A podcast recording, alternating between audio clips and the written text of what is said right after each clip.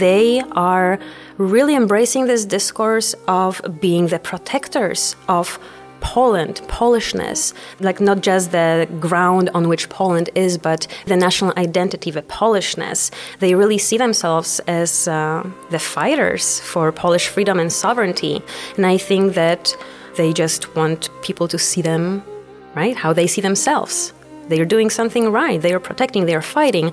On one of the lockers of a border guard, he had this sticker that says, Here it's Poland, here we fight. And I remember seeing it on one of my first days, and I thought, wow, this is so emblematic because this is how they see it. Like, this is Poland, this is ours, and we fight for it. Even when there is no reason to fight and there is nobody to fight or fight with, there is still this mentality, and they do embrace that, uh, you know, kind of a strong men uh, serving the country and doing the right thing. Welcome to an English episode of The Verbranders a podcast on Europe's borders and resistance against them. I am Wiebe Ruitenberg. And I'm Neske Barwald. The Verbranders is Dutch for Harga, an Arabic word used in Morocco, Tunisia, and Algeria. Harga literally means those who burn, and is used to speak of people who cross European borders without permission. It refers to the burning of identity papers. So those who do Harga burn Europe's borders. In today's episode, we talk to Maryla Klajn, Maryla is a PhD researcher in social legal studies at Leiden University, and we talk to her about her research on how Polish border guards use their discretionary power, or the wiggle room that the law offers them, as they do their work. Maryla worked with Polish border guards for half a year, first at one of the regional headquarters and then at three different outposts, where she went on ride alongs to see for herself how border guards carry out their work on the ground. She describes the nationalist and blatantly racist and sexist ways in which border guards talk about their work and the people on the move, as well as the violence that they deploy as they stop and check people, take them to the station, and deport them. She also describes the nationalist and sexist ways in which she herself was addressed by some of these border guards, and how being in this violent context impacted her then and now. To us, Maryla's description show that violence is not only the result of how migration laws are implemented, but more fundamentally of these laws themselves, and specifically the distinction that they make between people who have a right to move and stay and those who have not. We are curious about your thoughts about this episode. Leave a comment on our Instagram or Twitter, or email us at theverbranderspodcast at gmail.com. Enjoy!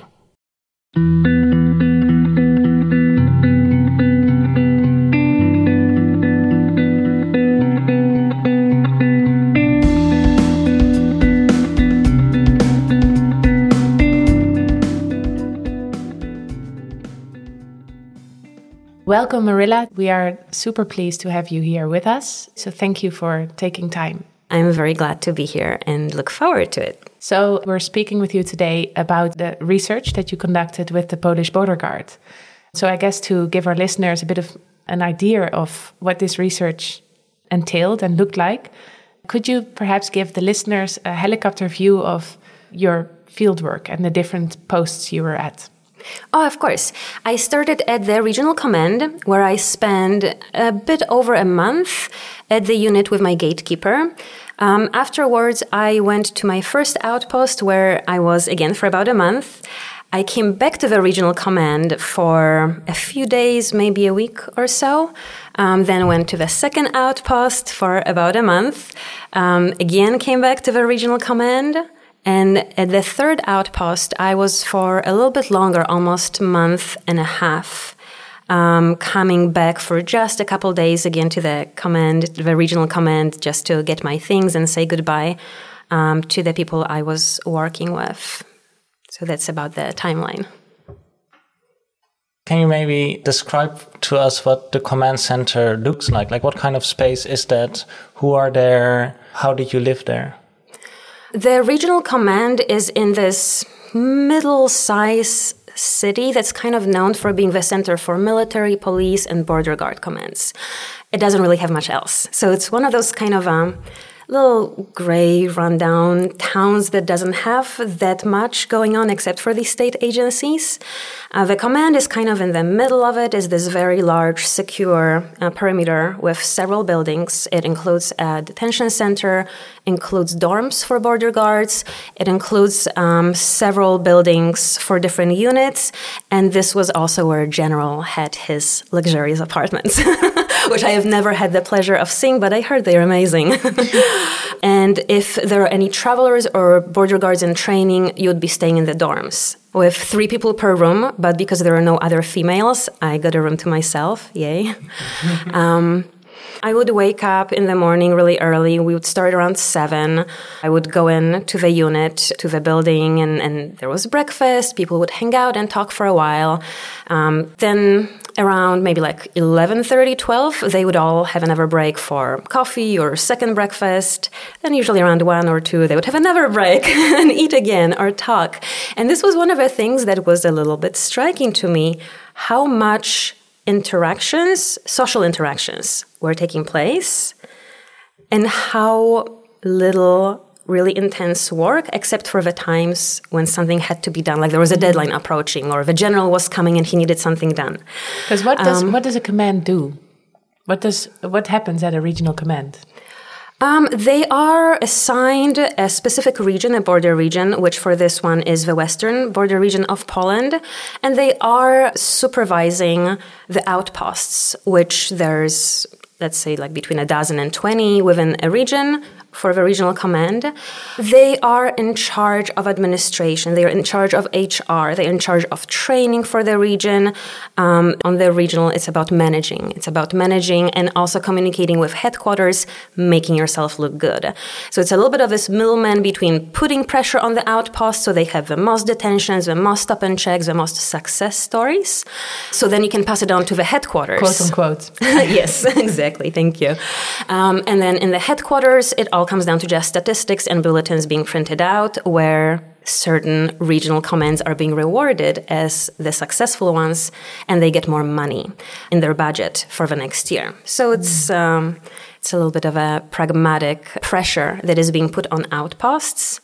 Unofficially, they adhere to a point system where border guards get points or outposts get points. Officially, the point system does not exist and there is no documents and if you call out the higher ups they will probably refuse it but when you talk to the border guards they are aware what counts more so for example they want id polish citizens even though it is one of their duties to make sure that people with outstanding arrest warrants or the Schengen information system red flags are supposed to be stopped. But they get less points for Polish citizens compared to foreigners being stopped. So, on purpose, sometimes they'll avoid, which of course implies that they are essentially letting criminals roam freely just for being more pragmatic in order to perform better yeah. for the supervisor or for the commander uh, in chief and then pass it on. Because is this farther. informal point system kind of communicated to them? It just doesn't surface on the paper level? Exactly. Yeah, yeah, yeah. Yes. Yeah. Um, and, you know, that month was interesting because I feel like I was learning a lot at the time when I actually went to the outpost after a month, I realized that pretty much everything I learned was a very specific and a biased view of what was going on and very disconnected from actual street level. And a lot of things that I kind of internalized and took for granted as the truth or reality over this month, I totally had to um, they were rejected essentially all these ideas i had. And um, it was a little bit disappointing to me because i felt so unprepared. I wasn't prepared. I didn't know what to do how to interact with the border guards. Um, and the first outpost was really tough. There were no females on street level. The entire unit was male only. Um, and then they made it very clear from the beginning that they weren't happy to see me can you maybe tell us about like your first day at the outpost? Like what did you do on that first day? And then maybe also what was your first ride along actually like? Who took you? What happened? Uh, what happened and what did you witness at the border, I guess? Um, it's interesting how well I remember that first day and the first patrol and the border guard, the first officer who took me, like his face is just forever engraved in my memory, I think. Um, I arrived in the morning. The commander of the outpost met me with the second in command, who was this young female officer just recently got promoted. And because she was in charge of the department for patrol unit, um, she was kind of my unofficial contact person. But I spent a lot of time uh, talking with the commander. He enjoyed telling all different stories about his past um, and, and, different achievements of, of the border guards. Then I spent some time with the female officer, the second in command um, which was interesting because I didn't realize later on that this would imprint on how I was perceived by the border guards. But her and I spent a few hours. She kind of debriefed me about the department, how many people were there, where um, I would be going every day. And then we went to the patrol debriefing. So when uh, a patrol unit starts their shift, all the officers come in, a supervisor does the debriefing, during which they say, like, oh, you're going to go with this person in this car, and you guys are going to do the train check, and you guys are going to go with a dog trainer. Kind of assigning and saying if there are any special tasks, or you need to be on a lookout for a specific car or, or anything um, like that. So we, we enter the debriefing, things get very quiet. Um, we sit down, the officer and I, and nobody says anything to me. And then I think either her or the debriefing officer says, like, who's going to take her? One of the patrol officer was immediately like, not me. uh, the other one said, oh, I have training today. I can. The third one said, if you give her to me, I'm going to call in sick for the next week. And because the border guards on internal borders are severely understaffed, this threat of calling in sick or using sick leave was used a lot by the street level border guards to negotiate if they didn't want to do something or if they wanted to get something. And then, you know, out of a four, only one was left who didn't say anything to me was clearly not happy to get stuck with me, asked or said in a third person kind of like next to me, but not really to me. Like if she comes, she needs to wear um, the unit, like the whole bulletproof vest and, and everything, which later on nobody has done. It was a little bit of a power play. You know, these are heavy things. It was middle of the summer, over 30 degrees. Some border cars don't have AC. And unfortunately, we were in one of them. So imagine sitting in this heavy bulletproof vest in the back of a car for hours and hours. The officer took me in his car, but didn't say a word to me for a while. We went to meet with a German officer who was joining our patrol. And then the Polish border guard officer started saying little things um, like about women and their roles and how ridiculous it is to be doing a PhD and how worthless education is and how research has essentially no benefit to the society and how women should know their place and kind of going a little bit more into political situation in Poland. But because he wasn't saying it directly to me, it was a really awkward situation, kind of like, how do you even engage in this?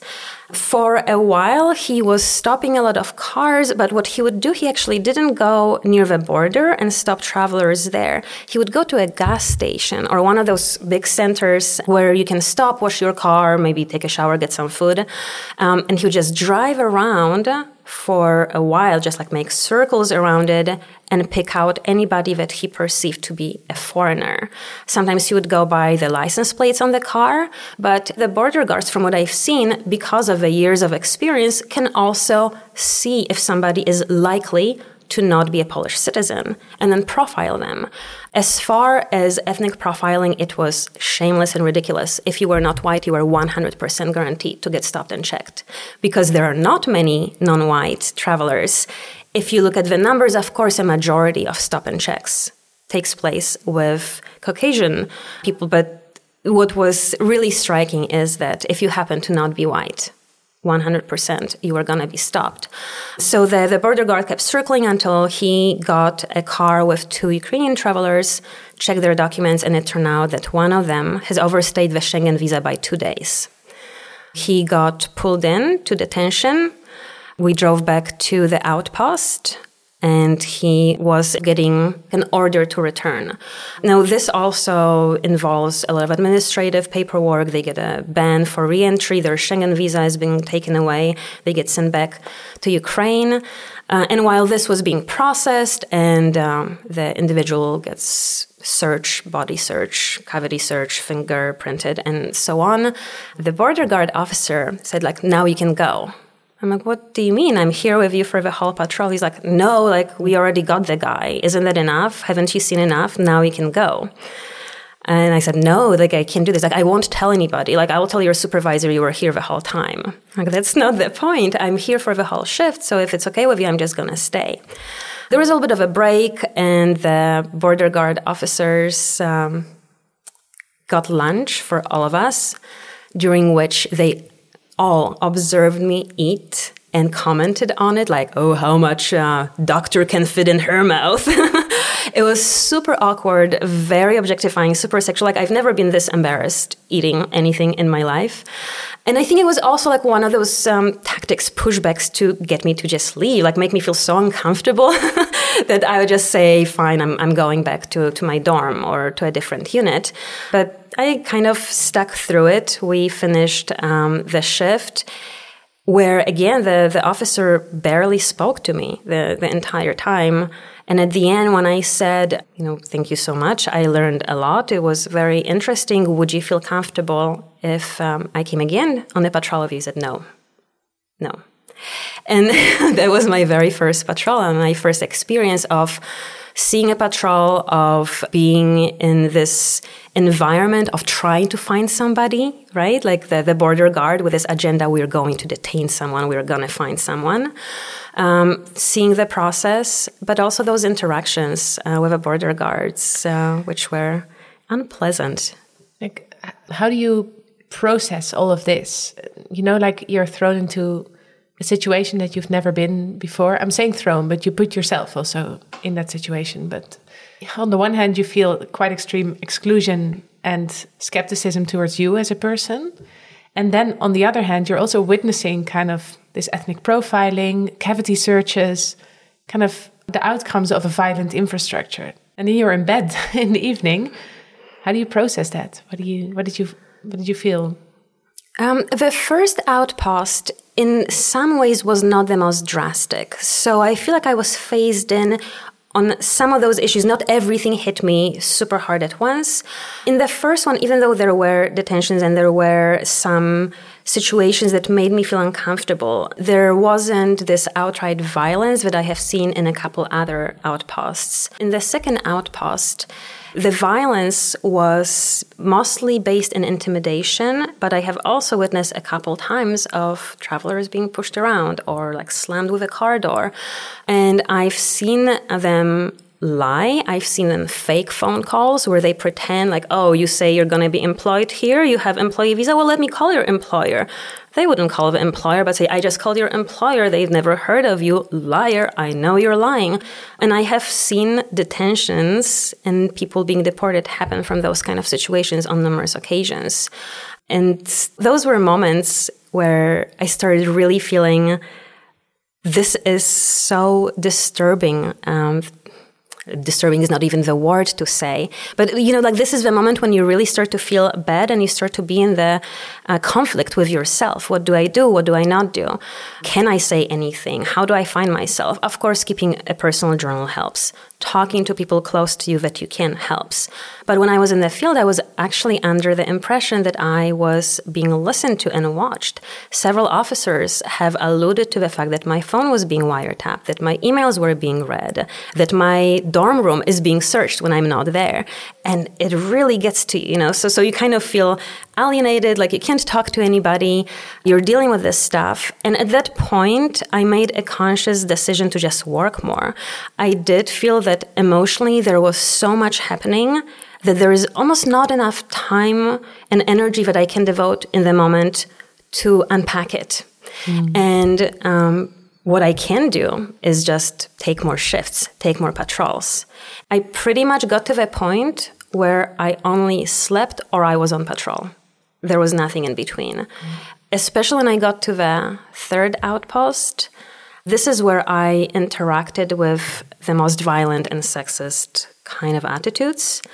And this is where I feel I actually started to exhaust myself. Like, this is where my body probably couldn't handle those 24 hour shifts anymore, but I kept on doing them because it felt like I just didn't want to think about what I was seeing and what I was experiencing especially the event when we got an information about a car trying to enter Germany, smuggling travelers without documentation. The vehicle was stopped, everybody was detained.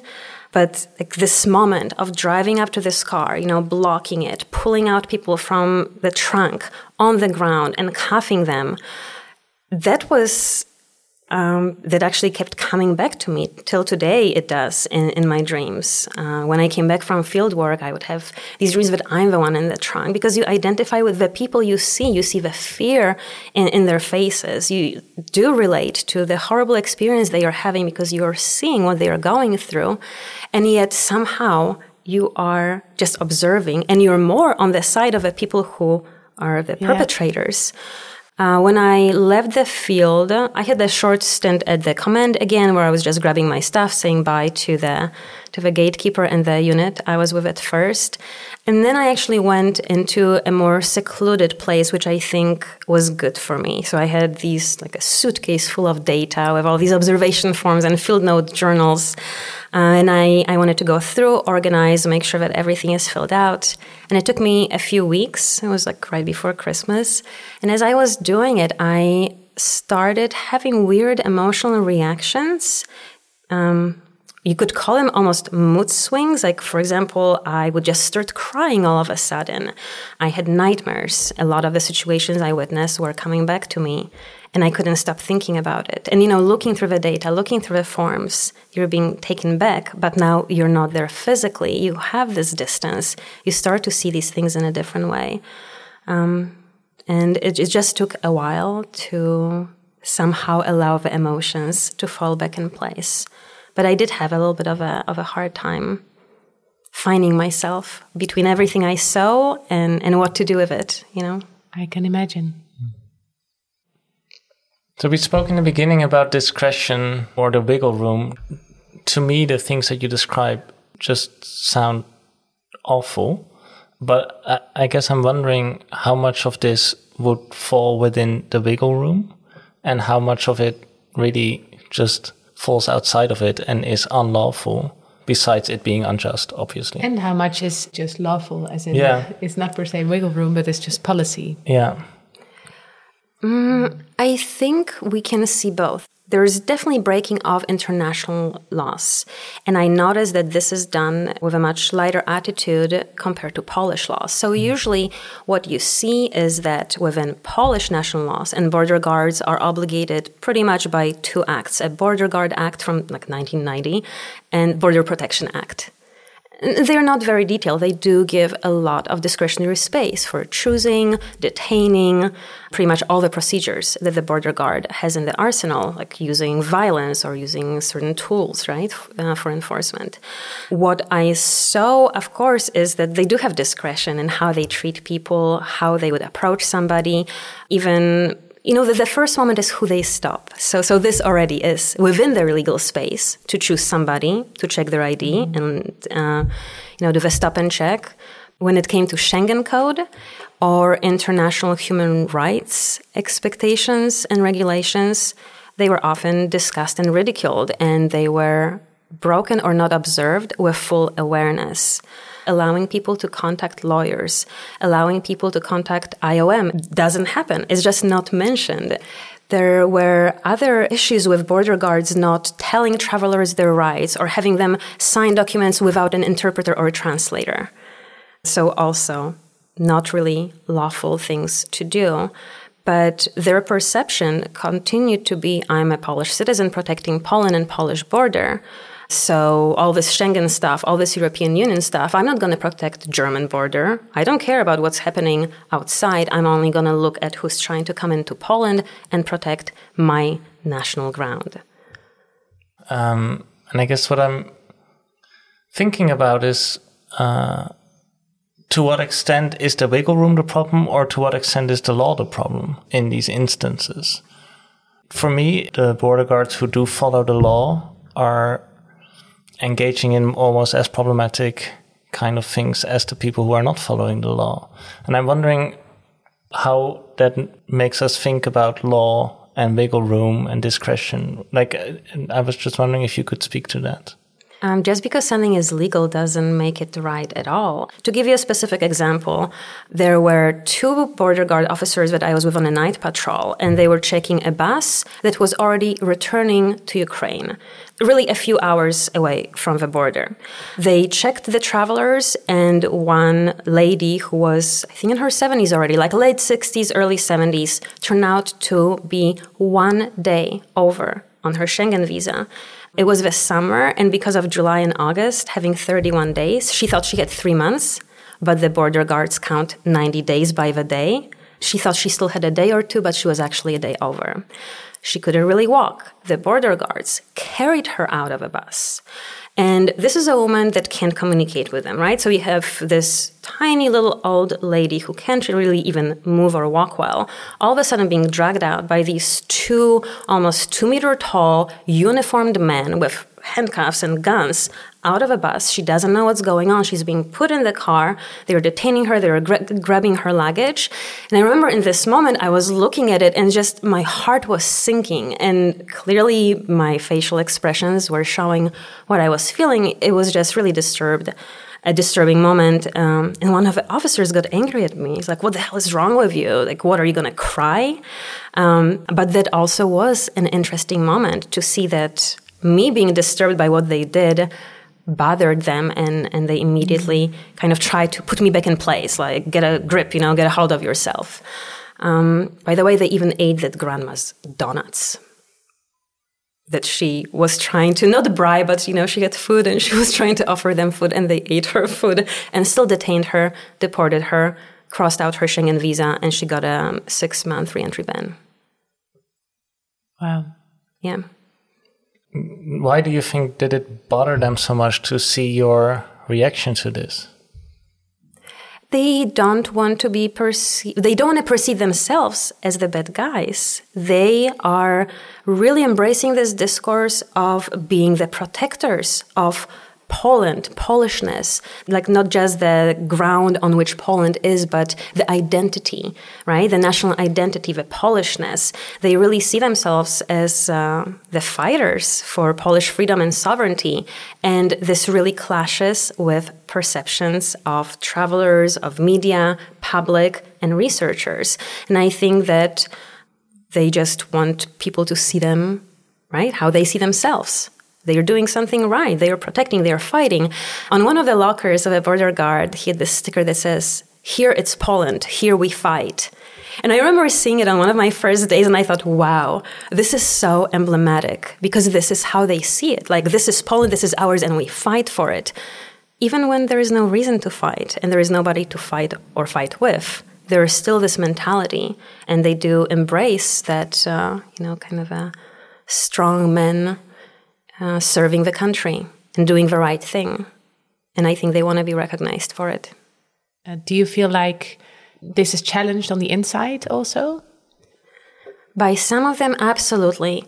This was interesting because I had ability to connect a little bit deeper with some of the respondents and I got such different views of what they thought they were doing. So there is a perception that they have to uh, kind of go with. But then when you talk about how they really see it, what it means to them, many of them would say, you know, it's just a job for me. There is a minimum requirement. I know I have to have one detention a year. So that's all I do. Other than that, even if I see that somebody is um, like a day or two over, I won't run their documents. Or if it's somebody older, or if it's a mother with small children.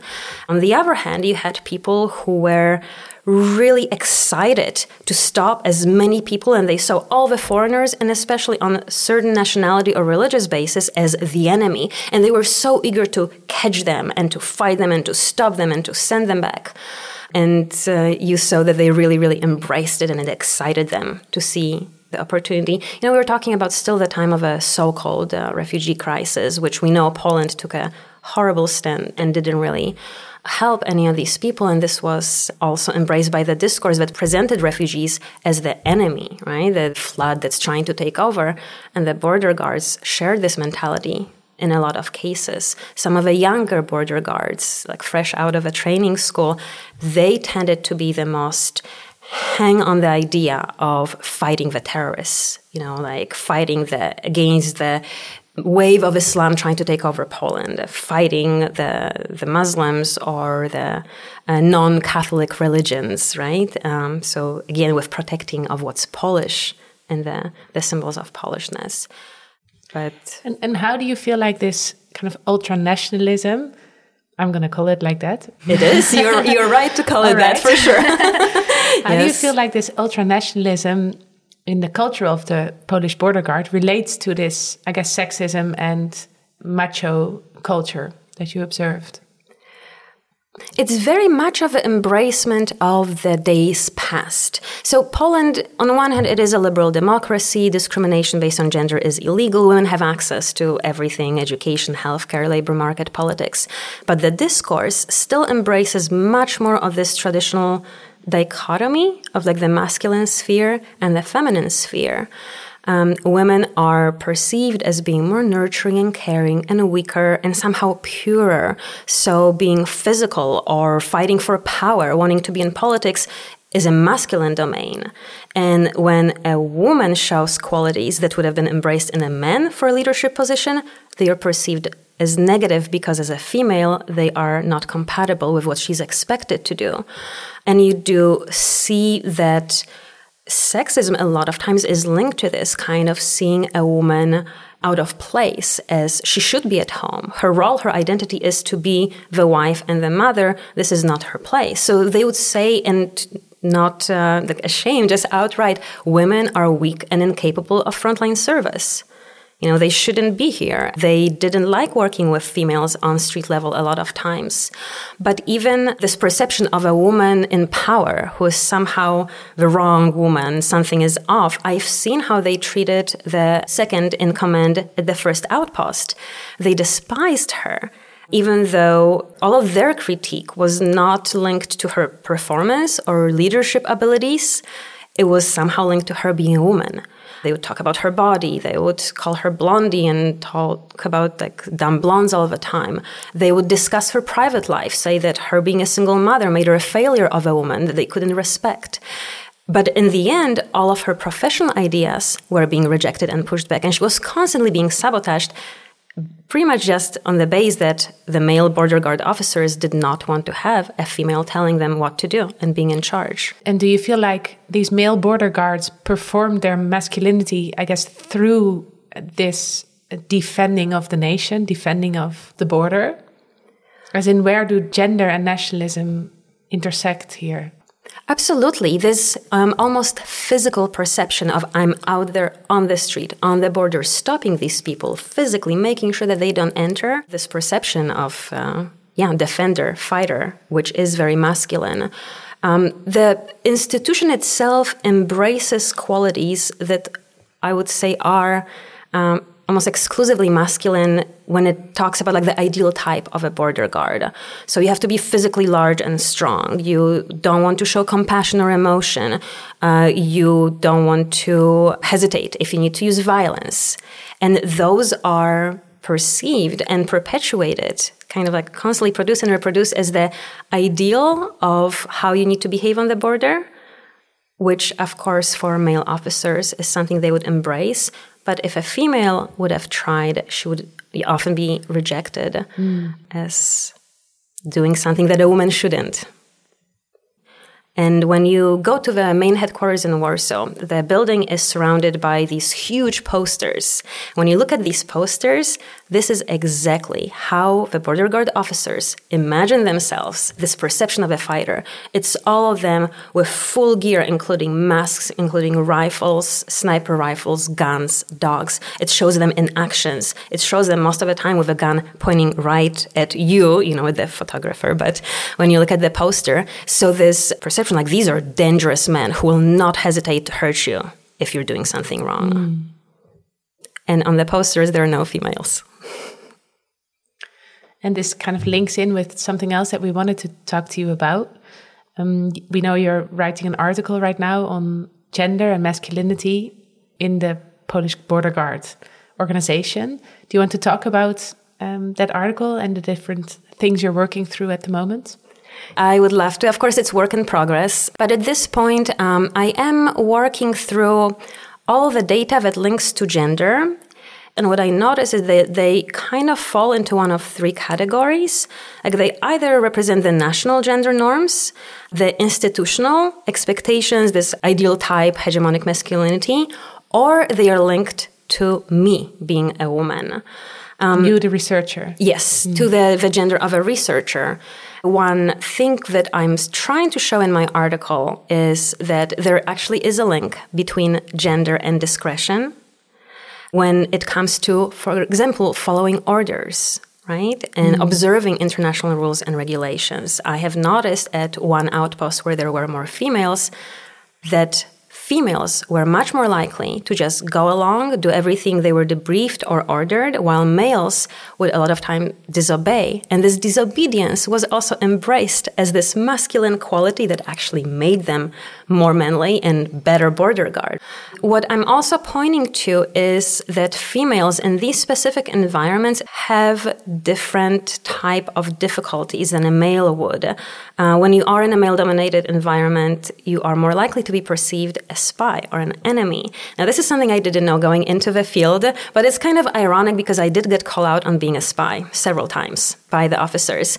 Um, one time, the guy actually threw consent form at me and said, I don't believe you. Like, who are you really? I don't think you're a researcher. You're probably like doing investigations. I'm kind of a bureau agent uh, trying to dig, out the dirt on us. And he actually thought my ID was fabricated. The Leiden University website was fabricated. And this perception of female as a spy is something that I think is interesting to talk about, uh, and mm. why a woman would be especially suspicious in this environment. Mm. And also about this perception of females being tested. I focused more on my personal experience, but you really see it on all the three levels of women because they're not really seen as be- belonging, being kind of pushed and, and, tested and provoked all the time, either by comments, um, sexual jokes, innuendos. I remember there was one instance when I was on a patrol with two female officers, and we were just doing our rounds, and the second patrol car with male border guards kept following us and going on the loudspeaker making chicken noises because in Poland calling woman a house chicken is a very derogatory way of calling her like a housewife. Mm and it was incredibly humiliating, you know, to be followed. And every time the ladies would stop, the guys would stop and like, "Do you need male assistance?" Women being asked constantly about when are you going to have a baby? Uh, why aren't you pregnant yet? Well, you better not wait. You better hurry up. Was doesn't your husband know what to do? Does a real man need to show him what to do? Should I come over? And these are not singular instances. This is the norm of how female officers were being spoken to how female travelers a lot of times were being spoken to and objectified in, in very mm-hmm. crude ways. And that again reinforces kind of this aggressive bordering and, and these practices that then translate to people traveling. Mm-hmm. Yeah. Yes, there was something about perceiving women as soft and naive when they were trying to just do their job that I found especially interesting, where in an instance of this patrol where the undocumented travelers were being pulled, and two of them looked very young. One of them said he was underaged, and the female officer in the patrol immediately wanted to do the right procedure her officer colleague just yelled at her. He said that she's a stupid and naive woman, and it's just like a woman to be so mm. gullible and believe this kind of BS. And it's lucky that he's the leader and the supervisor for the team, and he's not going to buy into this kind of stuff because he's too smart and experienced. In the end, it turned out that the individual was a minor. But the way how he framed following orders as being weak and gullible and naive yeah. and female, and him not doing it embraced as the right male smart thing to do. Yeah, do you think like by designating those types of following behavior as female allows these leaders, let's say, to justify overriding other people's perceptions of what they could do in that moment? Absolutely, yes. Yeah. yes, definitely. Um, and I, am worried that the female officer, next time she's in a similar situation, she might think that it's better to not follow the procedure that um, would actually be breaking the law. And this is one of those instances of just not doing the, the lawful thing. You mentioned the importance of religion. And I was wondering, because also given that in Poland, the anti Islam and anti Muslim sentiment is given a platform through politics and media. Sadly. So when you when you say religion, what, what do you mean exactly? Do you mean this in part this anti-Islamic? Definitely a big part. Generally, Poland and statistically, I think it is still true, is the most homogenous country religiously, except for like Vatican, um, where almost everyone is Roman Catholic. So it goes beyond just the Islamophobia, which, yes, you're absolutely right. And this is something very, very visible in their conversations, in the discourse, in how they approach travelers that they think could be of. Uh, Middle Eastern or, or African descent. But it translates to, again, this perception of Polishness being linked with religion, with Roman Catholicism, and certain values. And values that stand against it, which are perceived as more liberal, like seeing women as empowered, being open to LGBTQ or to different lifestyle choices, mm-hmm. is linked with this hedonistic, decay of Protestantism. So, Protestantism itself is also perceived as being infidels. This is the wrong religion. There is generally approach to the EU, Germany, the West, as this force who's trying to take away our traditional values, who's trying to brainwash us into acceptance of all these different lifestyles. And this is, you know, kind of towards all of the different nationalities because everybody surrounding us is a Protestant. There is no other Roman Catholic nation directly mm. to us. So, so this discourse of people being infidels or being too liberal or, or hedonists or being Muslim if they are Chechens. Mm. And if you come from this former Soviet Union, there is additional baggage of you being Russian or, you know, the mm. former USSR, which used to forbid in Poland expression of religion. So they're also seen as this active force that was trying to take down our church, and our Polish church fought against them. And the, the religion issue is seen also in the sexism approach to women's role. But definitely all travelers who are not Polish are pretty much seen as, as infidels, yes. Mm. Yeah, I can imagine this also ties in with the history of Poland, of being a country that's been kind of overrun or even colonized. And I don't know what the word is that is used in the context of the Polish border guard police organization. But I can imagine that this kind of past also seeps in. Absolutely. I think that uh, it's kind of unlucky where you look at Poland, how it's located geopolitically, you know, especially historically being between the Austro Hungarian Empire and Prussia and Russia this is really bad luck being right there. And also, Poland hasn't always made the most wise political decisions. But you're absolutely right that it's interesting that at the time, like during the Romantic time when the idea of nationalism was emerging, this was a moment when Poland disappeared from the map. There were three partitions by the Austria, Prussia, and, and Russia, which like totally took Poland apart just split the country in, in three regions and incorporated into their own soil. So in Poland, as this idea of national identity emerged, it was linked to fighting off oppression, fighting off the foreigners mm. that are trying to take away our Polishness. Yeah. And the Polishness, as it was embraced, was in this context of, you know, being under siege or occupied and you having to fight for it.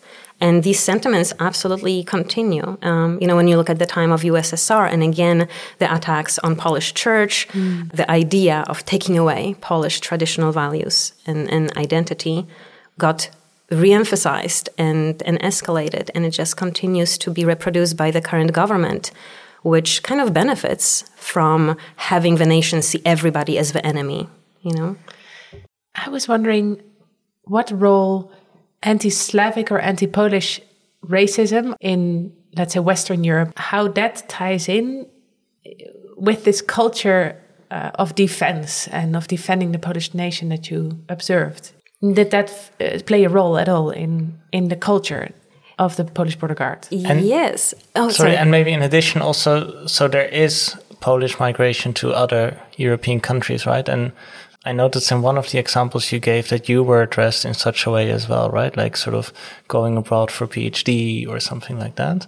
Like maybe you can address those two sentiments. Absolutely. Um, the resentment towards Westerners is definitely fueled by this awareness of the anti Polish sentiment. And there were those, maybe just a couple situations where it was explicitly expressed, but I do think that it fits into this um, perception of, you know, the, the West and, and how they are evil, trying to take over with their hedonism and liberalism, but also this perception that they look down on us somehow makes the resentment stronger. There was an instance of a Polish citizen being returned from Germany that we were processing at a point, and I remember him talking about how Germans treated him very badly because he's Polish and all this uh, anti-colonialism.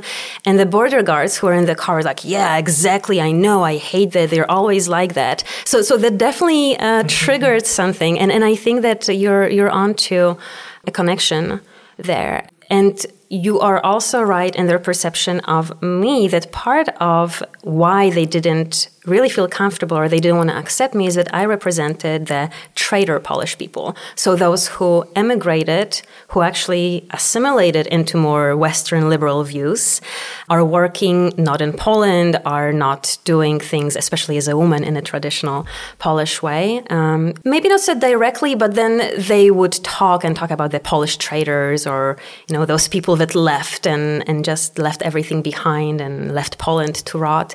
So I think that played a part in in um, how they related or didn't relate to me. And so, how do you talk to them about your research right now? Like, how do you communicate also sort of your stance towards the things that you saw and your own sort of take on it, but also your emotional response to it? There is a possibility of border guard uh, institution wanting me to do some workshops and lectures where they want to hear my findings, but I don't think they are interested in my emotions or in my perceptions of certain things not being done well. The things I've published so far are not very flattering about border guard officers or the Polish government in general. And uh, there is one officer especially that I think has me on Google Alert that usually reads everything that gets published, like article or blog within a day or two of it coming out. And it was really interesting talking to him about it because, as he said, it's like, wow, you hit us hard. This is rough, but it's all true. So I think um, it's out there. Not all of them I would feel comfortable sharing my emotional and the, what I was going through observing their job. But as far as some findings and results, of course, I would like to share it. I have reached out, but there is um, pragmatism in the institution. It, they want me to say certain things. They don't necessarily want me to share the results I have or the suggestions and recommendations I have. They have an idea of what they want me to say. And essentially, if I agree to do this and sign the contract with them, I would just be saying their words with my mouth. and, yeah. and, I think it also shows because there have been instances when I tried to communicate about things that I saw with my gatekeeper, and it caused a huge conflict. It almost caused for me to be kicked out uh, of field work.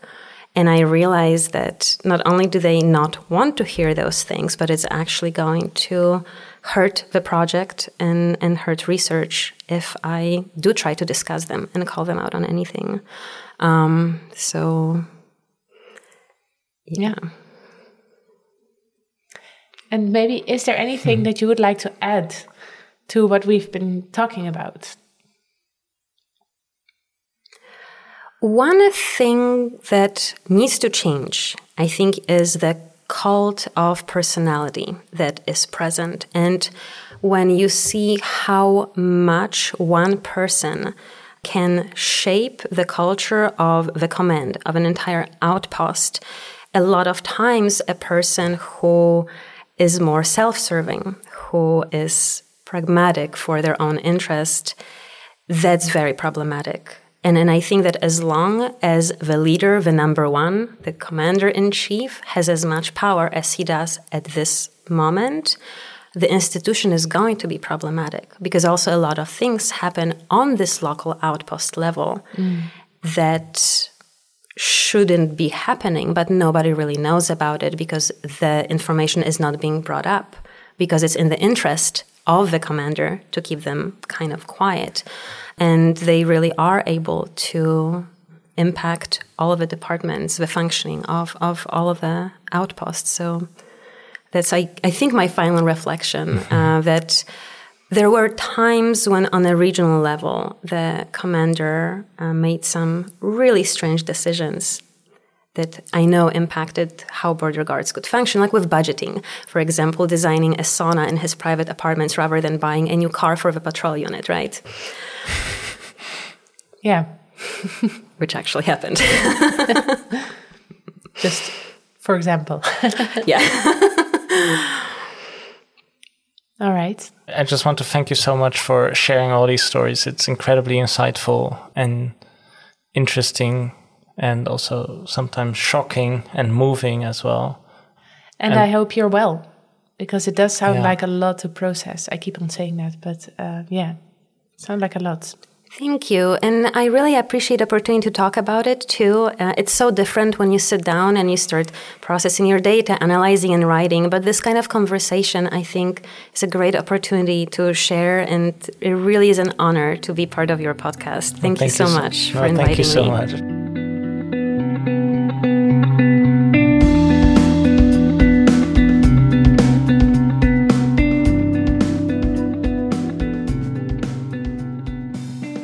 Before closing this episode, we would like to thank a few people, collectives, and organizations. B. Carrot for the illustrations we use on our Instagram and other social media accounts, Thomas from Dark Roast for the graphic design, Joris and David and Ellen Aneska for the music, the MKZ Binnenpret for allowing us to use the space to record most of our interviews, and the Van Vollenhoven Institute and Institute for Cultural Anthropology and Development Sociology of Leiden University Leiden University Fund, and the Netherlands Organization for Scientific Research for the financial support. If you have any thoughts on this episode that you'd like to share with us, please get in touch through our Instagram, Twitter, or email.